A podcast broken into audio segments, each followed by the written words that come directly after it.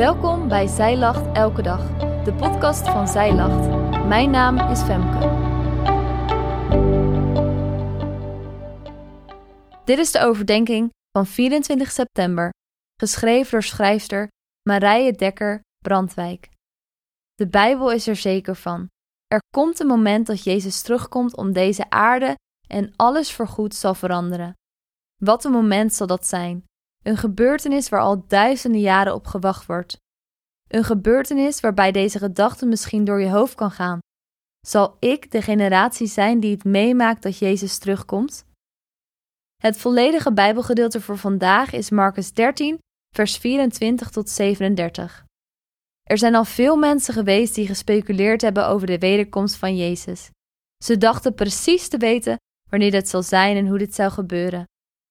In het Bijbelboek Openbaring staat veel beschreven over de hoe-vraag, maar ook niet alles is bekend. En op de wanneer-vraag, daar is al helemaal geen antwoord op te geven. Er staat meerdere keren in de Bijbel geschreven dat niemand weet wanneer Jezus terug zal komen, maar dat Hij komt, dat is zeker. In Marcus 13, vers 33 staat: Let op, waak en bid, want u weet niet wanneer het de tijd is. Het zal zijn als bij iemand die naar het buitenland ging. Hij verliet zijn huis, gaf zijn dienaren volmacht en gaf aan ieder zijn werk en gebood de deurwachter waakzaam te zijn. Want u weet niet wanneer de Heer des huizen komt, s'avonds laat of te middernacht, of met het hanengekraai, of s morgens vroeg, opdat hij u niet, als hij plotseling komt, slapend aantreft. En wat ik tegen u zeg, zeg ik tegen allen: wees waakzaam. Jezus geeft ons tot drie keer toe de opdracht om waakzaam te zijn. Juist omdat we niet weten wanneer het zal plaatsvinden dat Jezus terugkomt, is het zo belangrijk om waakzaam te blijven. Om op te blijven letten op wat er allemaal om je heen gebeurt en je er ook op voor te bereiden. Is jouw hart er klaar voor? Er zijn zeker wel tekenen waar ze aan kunnen zien dat het te gebeuren staat. Lees bijvoorbeeld Marcus 5, vers 24 tot 32. Maar dan nog blijft er zoveel onbekend. Aan de ene kant kan dit je misschien bang maken, want hoe kun je dan klaar voor zijn? Maar aan de andere kant denk ik dat het ook iets moois kan zijn. Om je leven met de gedachte dat Jezus misschien elke dag weer terug zou kunnen komen. Het houdt je scherp en waakzaam over hoe je bijvoorbeeld je leven vormgeeft. Jezus maakt het waakzaam blijven duidelijk door een gelijkenis. We lezen over een landman die zijn huis verlaat voor een periode. Hiermee wordt de Heere Jezus bedoeld die lichamelijk tussen zijn hemelvaart en wederkomst afwezig is van de aarde.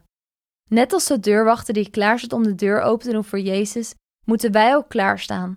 Omdat het al jaren duurt dat de landman weg is en er mensen zijn die het ondertussen eigenlijk niet meer verwachten dat hij terugkomt, zijn er ook een paar in slaap gevallen.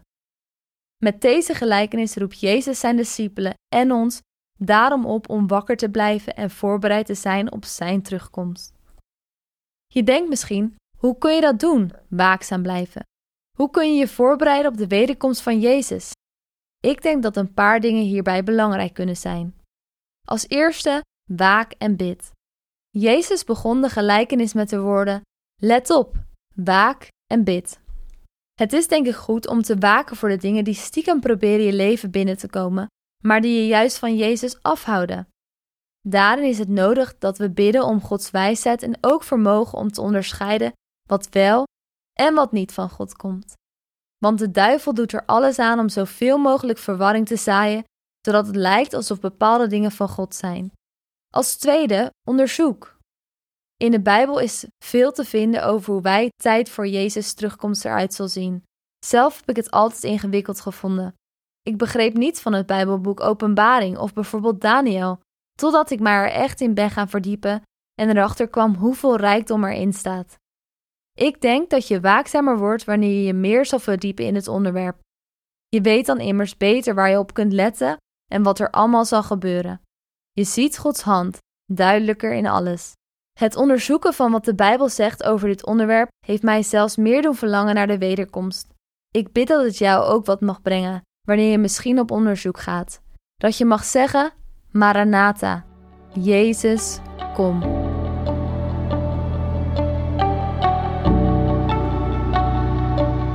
Dankjewel dat jij hebt geluisterd naar de overdenking van vandaag. Wil je de overdenking nalezen? Check dan onze website. Je vindt er ook meer toffe dingen die jou helpen om de Bijbel vaker te openen, zoals boeken, Bijbels, cursussen en evenementen. Morgen ben ik weer bij je terug met een nieuwe overdenking. Tot dan!